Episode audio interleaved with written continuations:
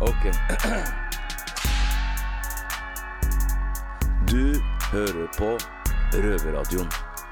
Norsk fengselsradio. Bli med inn. I dag så er vi på innsiden av Bredtvet fengsel.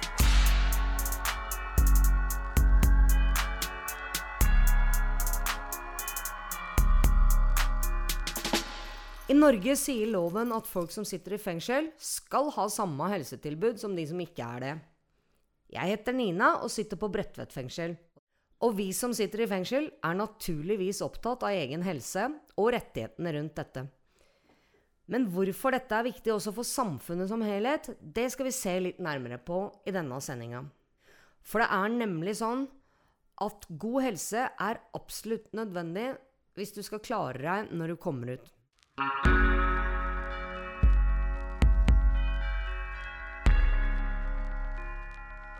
Jeg har satt meg litt inn i helsetilstanden til innsatte i norske fengsler, og hvor ille det faktisk står til, overrasker meg.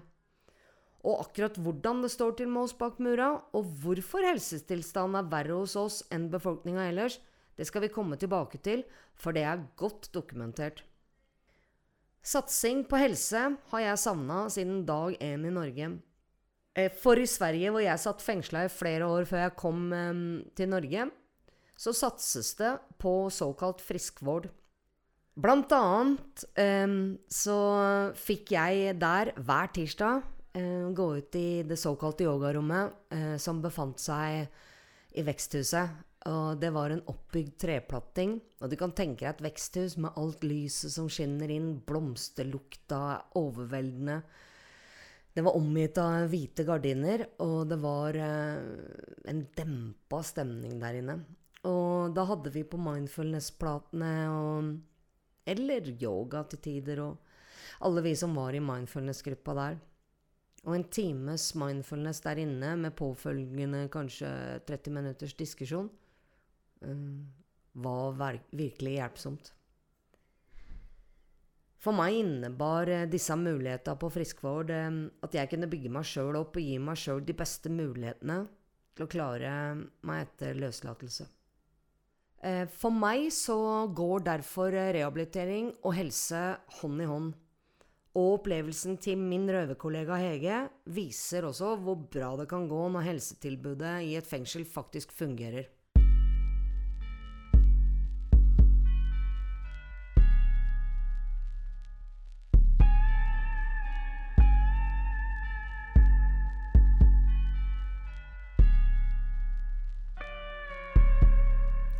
Jeg lå mest hjemme med blodpropper og grein og hadde vondt. Og... Så jeg var i en veldig vond sirkel da, og rusa meg masse fordi jeg hadde masse smerter.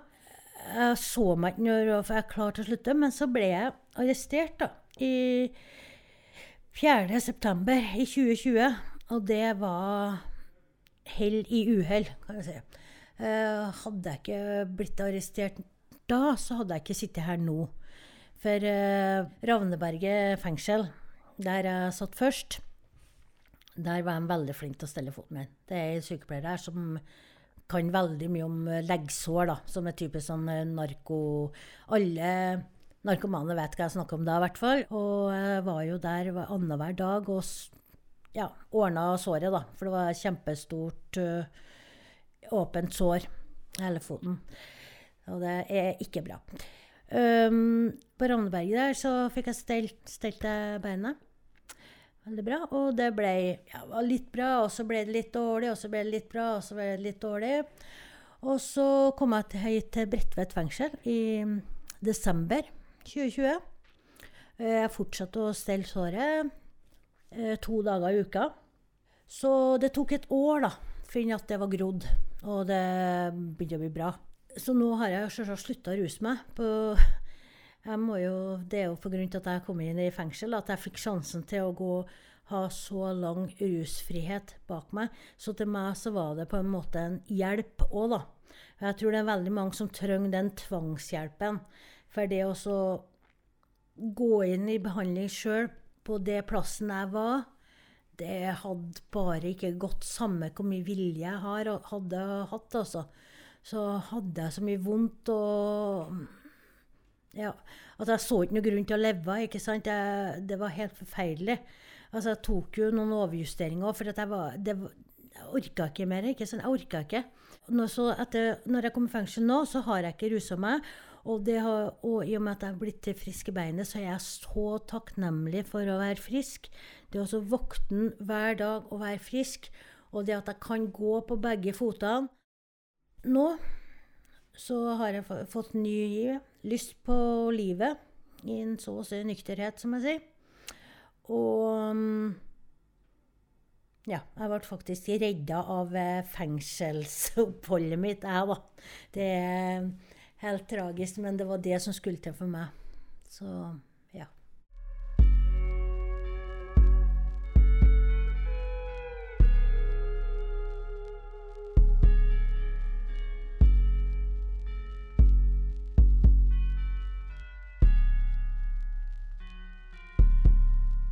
For en tid tilbake så laga Senter for omsorgsforskning Øst en rapport på oppdrag fra Kriminalomsorgsdirektoratet sammen med Helsedirektoratet for å sjekke hvordan det står til med omsorgsbehovet til norske innsatte. I studio vårt i dag har vi fått besøk av en av de som har ansvaret for å følge opp denne rapporten. Så velkommen hit skal du være avdelingsdirektør for forebygging, tilbakeføring og sikkerhet i KDI, Heidi Bottolfs. Tusen takk for det. Og så har vi også med oss seniorrådgiver i Helsedirektoratet, Stig Nygaard. Velkommen til dere begge. Tusen takk. Først, hvilken rolle har du hatt i forbindelse med helsa til innsatte? Ja, min rolle i det daglige det er jo at jeg har et oppdrag fra departementet på å revidere eh, en veileder vi har for helse- og omsorgstjenester til innsatte i fengsel. Eh, så dermed så jobber vi mye med det vi kaller for innsiktsarbeid. Hvordan er helsesituasjonen for de innsatte? Hvordan er situasjonen for helsetjenestene? Og så har vi vært ute og besøkt seks fengsel i det innsiktsarbeidet. Der vi har møtt eh, helsetjenestene, de innsatte og ledelsen i kriminalomsorgen. For å få litt mer innsikt i det indre livet i fengselet. Ja, for i denne rapporten så kommer det jo fram at folk i fengsel har mer omfattende psykiske og somatiske lidelser, funksjonsnedsettelser og aldersrelaterte lidelser nå enn for 10-15 år siden. Og hva tenker eh, dere om dette? Det er ikke noe ukjent at den uh, rus- og psykisk helseproblematikken er stor i fengsel. Uh, og i det innsiktsarbeidet vi har gjort, så har vi jo egentlig avdekket at det er en stor opphopning av eh, somatikk, altså somatisk dårlig helse, eh, psykisk helse, rushelse. Vi har også sett på at det er ganske mye dårlig kognitiv tilstand for ganske mange innsatte. Eh, sånn at det er, det er velkjent, og vi har egentlig kjent til det her i mange år. Hvorfor bør det norske samfunnet for øvrig bry seg om helsa til innsatte? Eh, innsatte er jo borgere i dette landet og har eh, de samme rettigheter som alle andre i det norske samfunnet.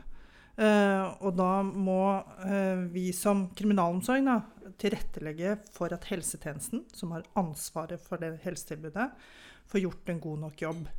Eh, og jeg tenker at det vi også vet, er at god helse, psykisk eller somatisk, er jo viktig for å klare seg eh, etter at straffen er gjennomført. Så en ting er at de har rett til det, men vi tenker også at det er god tilbakeføringsarbeid. Det er, det er bra for samfunnet i stort, ikke bare for innsatte. Ja, det er jeg helt enig i. Eh, men har du noen tanker om, om, Ja, det har du jo. Det er fordi du sier at det er en rettighet. Mm. Hvorfor vi har rett til like mye helsetilbud som dere på utsida. Men som du var inne på nå, det viktigste må jo på en måte være også den tilbakeføringa. I, I, denne sammenheng mm. så er innsatte pasienter like mye som eh, Stig og jeg, som eh, kommer utenfra samfunnet. Og det er det behovet, eller det behovet for behandling, eller det som er utredning, som er avgjørende.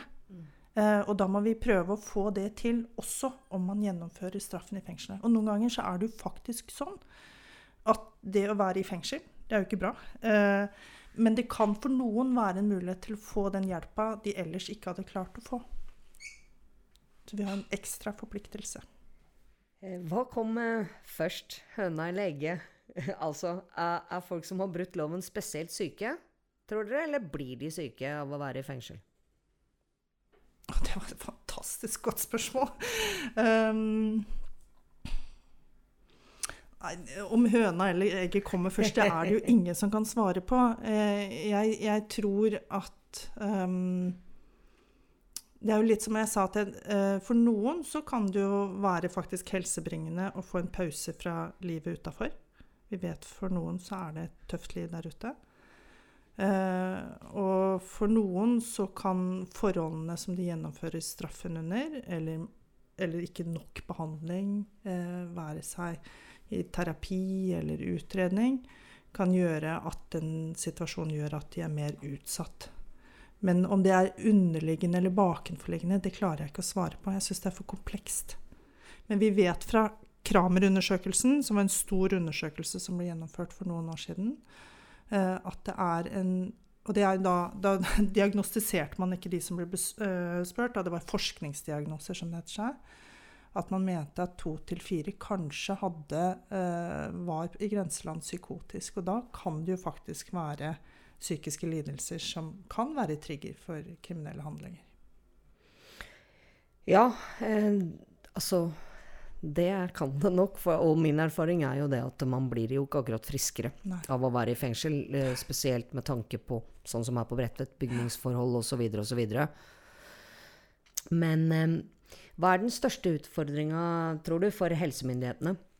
Det tror jeg egentlig å ha um, nok helsetjenester og riktige helsetjenester inne i fengselet, som kanskje jobber litt annerledes enn det vi gjør i dag. Ja, fordi at eh, i studio vi sitter i nå, vi er jo vegg i vegg med helseavdelinga her på Bredtvet. Og der har vi vært på besøk I dag? nei, for en, noen måneder siden. Ja, men ifølge rapporten i hvert fall, så er det mye som ikke er som det skal der inne. Og Stig, hva er det mest alvorlige, syns du, av det som kommer fram i rapporten? Det er vel egentlig litt den, altså Rapporten sier jo noe av den uklarheten det er mellom hva er det kriminalomsorgen sine ansatte skal gjøre i forhold til omsorgstjenester, og hva er det kommunen og spesialisthelsetjenesten skal gjøre. da. Det er vel det som er litt sånn eh, vanskelig å få på det rene, liksom på hva er oppgavefordelinga her. da. Men vi har en dialog på det med, med KDI, eh, og i den veilederen vår så avklarer vi kommunen sitt ansvar for helse- og omsorgstjenester til innsatte. Ja, for en annen veldig graverende ting da, som kommer fram i denne rapporten, er jo, eller etter min mening, at ansatte i kriminalomsorgen uten å ha noe kompetanse, eller rett kompetanse, eh, må gjøre typiske helseoppgaver eh, som å skifte bleier, stomiposer, urinposer og, og stell med hudkontakt. Når helse ikke er til stede i fengselet, men eh, de må da gjøre den jobben uten noe informasjon om sykdomstilstand eller um, lignende, fordi helsetjenesten jo er pålagt uh, taushetsplikt. Og er dette en situasjon som Helsedirektoratet er fornøyd med, Stig? Nei, og derfor er det at vi beskriver det den veilederen til de kommunale ansatte og til kommunen. Bare husk på at um, helsetjenester til innsatte i fengsel er hele kommunen sitt ansvar. Men så har valgt å organisere da en tjeneste inn i fengselet, et stort fastlegekontor, for å si det sånn. Men også de øvrige tjenestene har et ansvar for å gi tjenester inn der.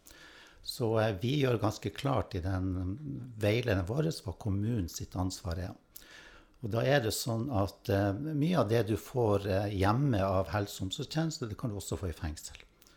Eh, og så er det sånn at i eh, fengselshelsetjenesten, når den ikke er til stede igjen, sant, så er det kanskje kommunens andre tjenester som skal gå inn og dele ut medisiner eller skittestomiposer. Og hvis det er sånn at man ikke kan det av forskjellige vis, og at fengselsbetjenter må gjøre det, så skal de ha opplæring i det. De skal ha opplæring av helsepersonell, sånn at det er sikkert og det er trygt det de gjør. da. Men fins det noen garanti for at det skjer, da? Har dere noen rutine på å opplære fengselsbetjenter på bytting av stomiposer, liksom? Ja, det spør jeg deg, da. Inn- Inngår det i fengselsbetjentutdannelsen? Nei. Nei.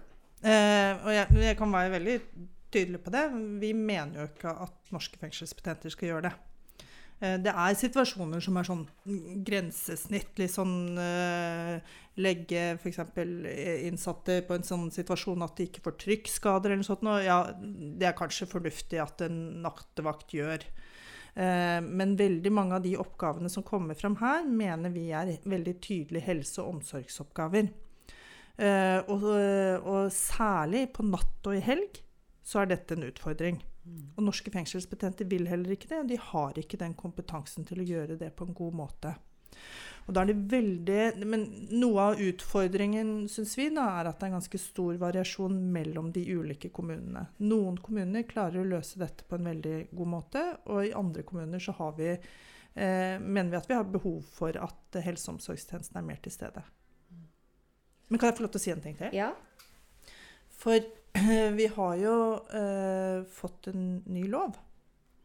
Eh, og den kommer eller en ny forskrift, og det er jo at vi kan bruke ek, det er noe som heter ECVAS. Vi kan bruke fotlenke for varig soningsudyktige.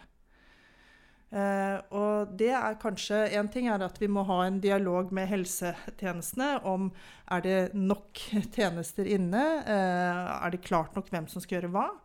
Men for noen som har veldig store helse- og omsorgsbehov, så kan det hende at de i stedet kan gjennomføre straffen sin et annet sted med digital kontroll. Og at de da får bedre tjenester. Og det kan være noe av løsningen vår framover. Mm, det hørtes ut som en veldig etterlengta og bra på tide lov som kom der. Nei, men i teorien så er det jo sånn at helsetjenestene ikke skal tilbys av fengselet, men importeres fra, som du sier, kommunale tilbudene på utsida. Men jeg har jo merka det at helsetilbudet her inne blir veldig påvirka av budsjettet og ressursene til kriminalomsorgen. Og hvorfor er det sånn? Det er jo kommuner som prioriterer hvor mye penger de ønsker å bruke inn, også på helsetjenester til innsatte. Men så er det jo sånn at eh, i Helsedirektoratet og i staten så bevilger vi 265 millioner kroner til de kommunale fengselshelsetjenestene for å kompensere for at de har et fengsel i sin kommune. Da. Så vi kan ikke si noe på hvor mye penger de bruker, men vi kan si noe om det forsvarlige helsetjenester de gir. Og det undersøker vi en gang i året gjennom en årsrapport som alle helsetjenester må gi inn til oss. da. Allikevel så kunne man tidligere i år lese på NRK at i mer enn to år har vært perioder uten lege i hele tatt i Mosjøen fengsel. Og selv har jeg vært vitne til at flere av de jeg soner med, ikke får den hjelpa de har krav på. Hva tenker du om dette, Heidi, og hva kan gjøres for å endre det? Jeg tenker at vi må holde oss fast i det at innsatte har de samme rettighetene. Jeg tror det er flere ting vi kan gjøre. Eh, Det ene er selvfølgelig at eh, Stig og, og jeg og våre kolleger vi kan, vi kan diskutere uh, hva er grensesnittet. Men det må vi kunne klare å ordne opp i. Um, men jeg tror det er uh, Vi må også kunne snakke åpent om at kanskje er ikke helsetjenestene dimensjonert godt nok i forhold til ja, det lidelsestrykket, som vi sier, da, eller sykdom eller behovet for utredning som det er blant mange innsatte. Det er det ene. Så tror jeg kriminalomsorgen har noe, en jobb foran seg også. Vi har ikke gode nok bygg. Så vi har ikke eh, Vi har gjort mye for helseavdelingene faktisk de siste årene, sånn at de har bedre arbeidsvilkår. Det er det andre. Og så er det sånn som du sier, at ved noen fengsler så er det f.eks. det er ikke lydisolert, det er dårlig ventilasjon, det er ikke arealer for aktivisering. Eh, og det er jo sånn som eh, berører Skaper sykdom. Ja, skaper sykdom, ikke sant? Og som ikke fremmer aktivisering, og som skaper dårlige arbeidsvilkår også for våre ansatte, men dårlig bomiljø for innsatte. Så jeg tror vi må også gjøre noe med bygningsmassen, eh, sånn at det er mer egnet. Og så må helsetjenesten også se på dimensjoneringen av tilbudet. Ja, og, ja, jeg er helt enig med deg. Og mm, siden da mm, helsetilstand i fengsla er dårligere enn i samfunnet for øvrig, så må det jo dimensjonere, som du sa, opp mot det også. Og det må jeg bare si, når vi har vært rundt i fengslene, seks fengsel, og så har vi møtt helsetjeneste først, og så kanskje ledelsen i fengselet, og så har vi møtt de innsatte. Og de innsatte gir et ganske annet bilde av det de andre har gjort igjen. ikke sant? Ganske lærerikt. Da får vi liksom rett i fleisen, ikke sant. Og, så takk for den.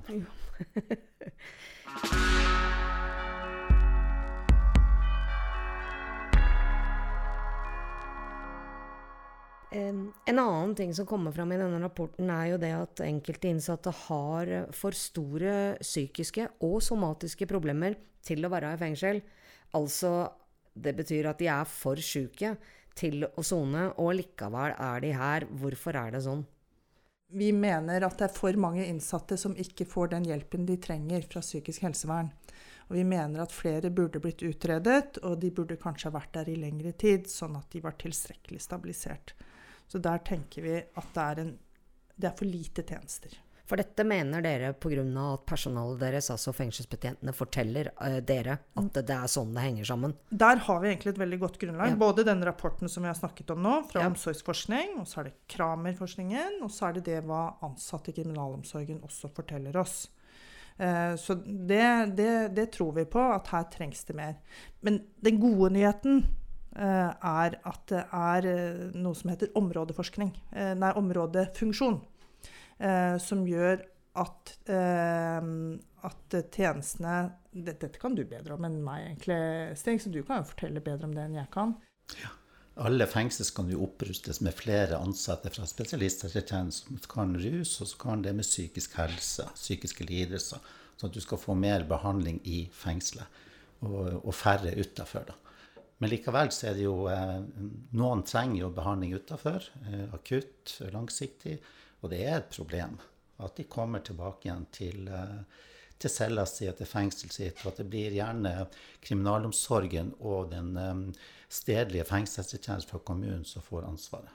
Og så må man lage et opplegg for den som er veldig syk, som er, er veldig krevende, og den lir og har det vondt igjen. ikke sant? Og det er et forhold vi ikke ønsker. Eh, sånn at eh, det er utfordringer som vi er veldig klar over. Det er det så. Her inne så er det jo sånn at hvis man behøver noen ting, så skal man jo sende en, eh, så man sende en såkalt samtalelapp. Og, og, en av de tinga innsatte opplever som mest frustrerende, eh, da er at de sender en lapp, og så hører de ingenting. På ukevis, kanskje til og med måneder, eh, eller som jeg har opplevd, rett og slett ikke få noe svar i hele tatt. Eh, hva tenker du om dette? Eh, det er ingen hemmelighet at vi har et veldig stort digitalt etterslep. Og dette er kriminalomsorgens ansvar. Eh, det er liksom en del av vår tilretteleggerrolle. Eh, og i Agder fengsel så har vi nå et system hvor innsatte bestiller time eller samtale via en sånn skjerm. Eh, sånn at eh, de kan få kontakt med helsetjenesten uten at denne lappen da, eh, går via kriminalomsorgen eller forsvinner, eller man vet ikke om det er mottatt. Så målet vårt er jo Nå testes det ute i Agder. Gode erfaringer, men også litt læring. Så målet vårt er at på sikt må vi få til dette også på landsbasis. Ja, det høres veldig bra ut, men ja. det, er, det, er, litt tid, det er tid det, men det koster, koster tid. Det koster eh, penger, og, og penger, penger, er jo noe kriminalomsorgen helt klart for tilfelle ikke har nesten noe av. Så ja, jeg, ja, men jeg blir ganske frustrert eh, av å være innsatt i disse tider, hvor eh, bare sekken blir snørt mer og mer til, og, og det er kriminalomsorgssvikt i så stor grad at eh, det kan ikke kalles omsorg, i hvert fall. Etter min mening. Min humble opinion kom litt med der. Vi i Røverradioen har jo tidligere tatt opp at uh, gamle fengselsbygg har unntak fra universell utforming, som ellers er et krav i statseide bygg. Og dette er noe som rapporten også belyser og blir trekker fram. Det at bygningsmassen er lite tilrettelagt for innsatte med omsorgsbehov. Hva slags utfordringer gir dette kriminalomsorgen? Og hva syns Helsedirektoratet etterpå om dette, mm. Stig? ja, det, si det, det, gir oss mange utfordringer. Det er jo Én ting er jo utforming av cellene. Altså I nye bygg nå så har vi jo flere UU-celler eller handikapceller, for å si det rett ut. Uh, men det, holder jo ofte ikke det. Du skal jo ha tilgang til fellesarealet. Du skal kunne ha en arbeidsplass som er tilpassa uh, funksjonsnedsettelsene. Så det gir eh, egentlig ganske store utfordringer. For vi ser at vi har ikke bare problemer med innsatte som har mye psykiske lidelser. Vi ser at det er masse somatikk mm. også. Og i ganske ung alder også. Eh, så vi erkjenner at vi ikke har en bygningsmasse som dekker de behovene eh, fullt ut. Ja, så her, Hvis man hadde hatt en rullestol her, så hadde man jo ikke kommet noe sted. Ja, her fungerer det dårlig. Ja. Og likevel så har vi hatt folk med ett bein her og Ja. ja. Så hva mener Helsedirektoratet om, om en sånn bygningsmasse? Og, Nei, altså vi er jo, Det er jo velkjent og fortvilende at det er sånn igjen. ikke sant? Og det er klart det påvirker helsa også til de som er rimelig friske. Eh, Det påvirker helsa til de som ikke er så friske igjen. ikke sant? Og det vet jo bare at eh, de jobber hardt med Kriminalomsorgsdirektoratet, og vi vet at det er planer for å få til noe bedring der. Eh, Så er det jo, det er jo nybygg som skal til. Og vi har vært i noen nybygg. når vi har vært på befaring rundt og ser jo at der kaller de ikke for celler, der det er rom. Helseavdelinga er god og romslig. Helt andre fasiliteter der igjen som byr på at du kan få ha et helt annet soningsliv. Så hverdagslivet ditt blir helt annerledes enn i et gammelt fengsel, så kanskje Bredtvet igjen. Og det påvirker helsa di, det påvirker aktivitetene dine. Og det tenker jo vi altså, Vi sitter nå og lager en veileder for fremtida til de kommunale fengselstjenestene. Så tenker vi fremtid. Også samarbeid med eh, fengslene og Kriminalomsorgsdirektoratet. Hvordan kan vi få rehabilitering og helse til å henge mer sammen? Og hvordan kan vi få helsefolket mer ut på avdelingen, og ikke bare sitte på kontoret, ikke sant? men ut og jobbe med helsa til de innsatte?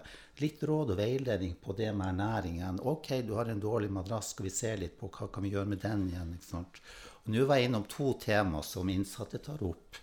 Ernæring og madrasser og sånne ting der. Men det er noe med at vi ønsker et, et samspill og utvikle en annen måte å jobbe sammen på i fremtida. Men det jeg ser, det er det at kanskje det, er to systemer som skal på en måte inn og jobbe sammen for å, både rehabilitere, men skape god helse. Og at de systemene kanskje må jobbe hardt for å eh, gjøre en bedre jobb og strekke seg mye lengre. da. ja, er helt enig med deg i det. Hva er konsekvensene da eh, om ikke det skjer noen forbedringer for samfunnet, dersom ikke eh, noe skjer med dagens situasjon? Jeg tenker det blir jo kostnader for samfunnet, fordi at eh, de innsatte, som også er pasienter, de kommer antageligvis til å forbli pasienter når de kommer ut. En del av de kommer til å bli gjengangere. Eh, og at eh, altså muligheten til eh, vi som helsemyndighet og som kriminalomsorg til å virkelig rehabilitere folk er jo egentlig enorm, spesielt når folk er der over tid. Og det at folk får lov til å ikke bare få lov til, men, men når det synker innover seg at oi, her er muligheten, så må vi være til stede. Med de ressursene og profesjonelle folkene vi har igjen til å hjelpe og bidra inn der igjen. Og det er en sånn ideell situasjon igjen. Men jeg tenker vi må strekke oss etter noen ting. Og ikke gi opp når det er dårlig råd og hele pakka igjen. Og, og vi utfordrer våre kommuner som har fengsel, til at du skal bruke hele apparatet ditt inn mot de innsatte. Det er de lovpålagte oppgavene de har igjen. Så nå skal vi også i gang med kompetanseopplegg for, for ansatte i, eh, i tjenestene. Eh, Vi skal lage nettverk for dem, sånn at de skal bli bedre og tryggere på den jobben de gjør. da. Og det tar år å bygge opp og endre litt på den måten de jobber på igjen. Ja.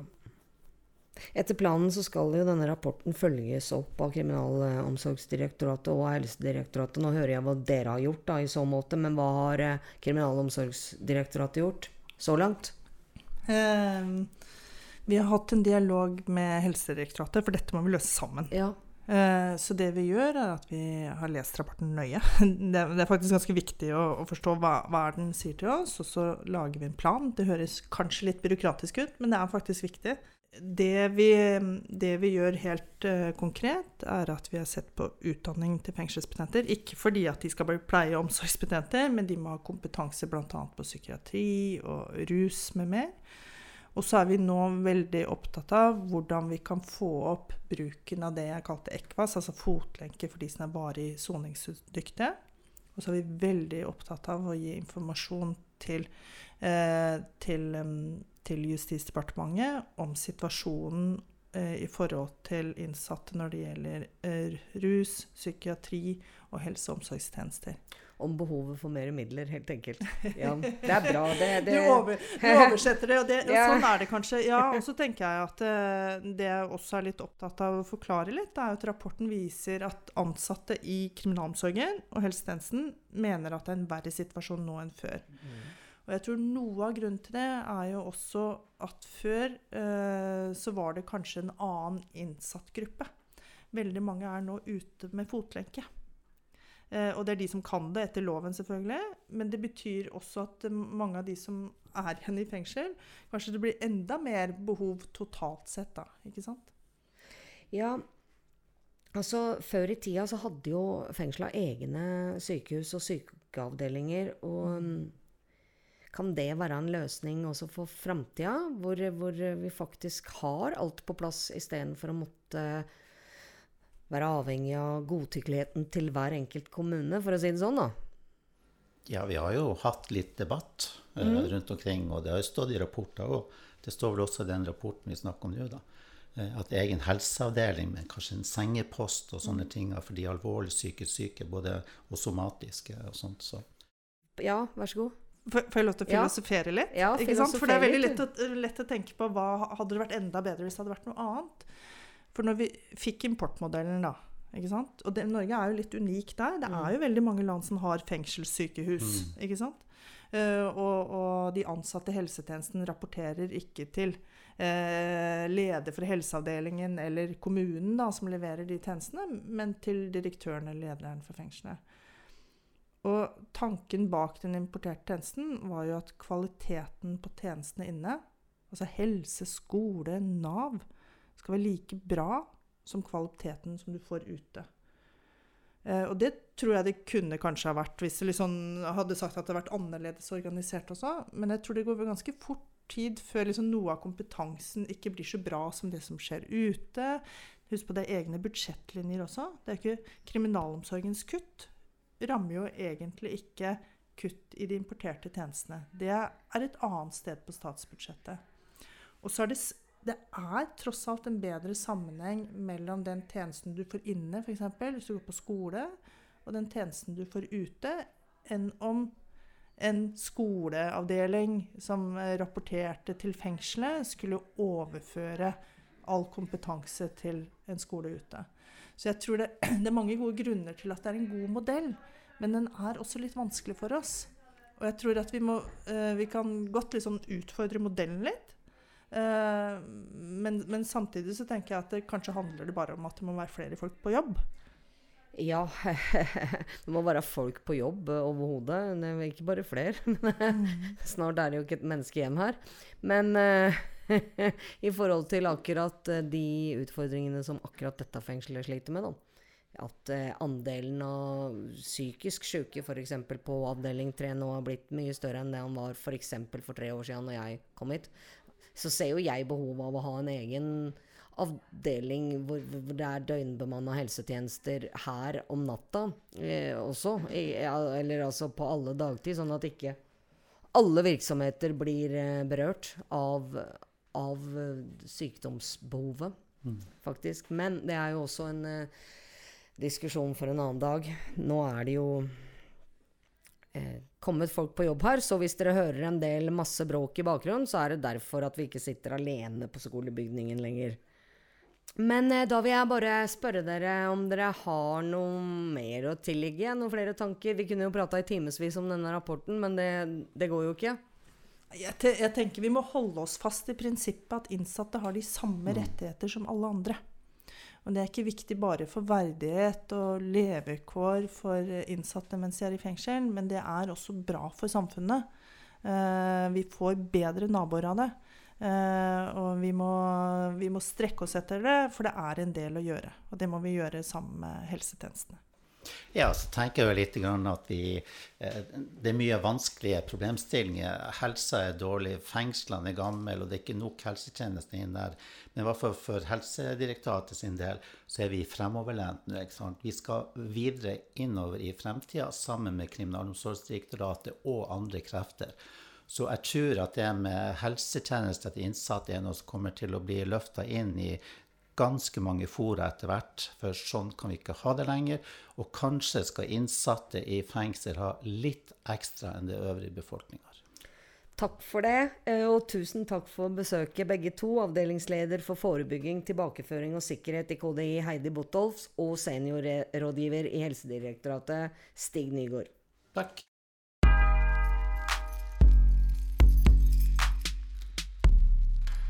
Det er åpenbart at eh, dagens helsetilbud i fengsel ikke er bra nok. Men eh, det var godt å høre at begge direktoratene vi hadde på besøk i dag, jobber for å forbedre situasjonen. Spesielt varma det mitt hjerte at Stig fra Helsedirektoratet mente at innsatte burde ha enda bedre tilbud enn befolkningen for øvrig. Fordi, som Heidi sa, dette vil tjene befolkningen i stort. Som vi hørte fra min røverkollega Hege i starten av sendinga, så kan et bra helsetilbud i fengsel til og med redde liv. Og med det så sier jeg takk for nå, men eh, Røverradioen er tilbake allerede neste søndag klokka 20.30 på NRK P2 eller på podkast når og hvor du vil, hvis du ikke sitter i fengsel. Adios! Denne sendingen av Røverradioen er sikkerhetsgodkjent av Bredtvet fengsel. Musikken er laget av Trond Kallevåg. Denne sendingen er gjort mulig med støtte fra Fritt Ord. Røverradioen er en veldedig organisasjon som er avhengig av din støtte. Følg oss på Instagram, Facebook, Twitter eller gå til røverhuset.no og finn ut hvordan du kan støtte Røverradioen.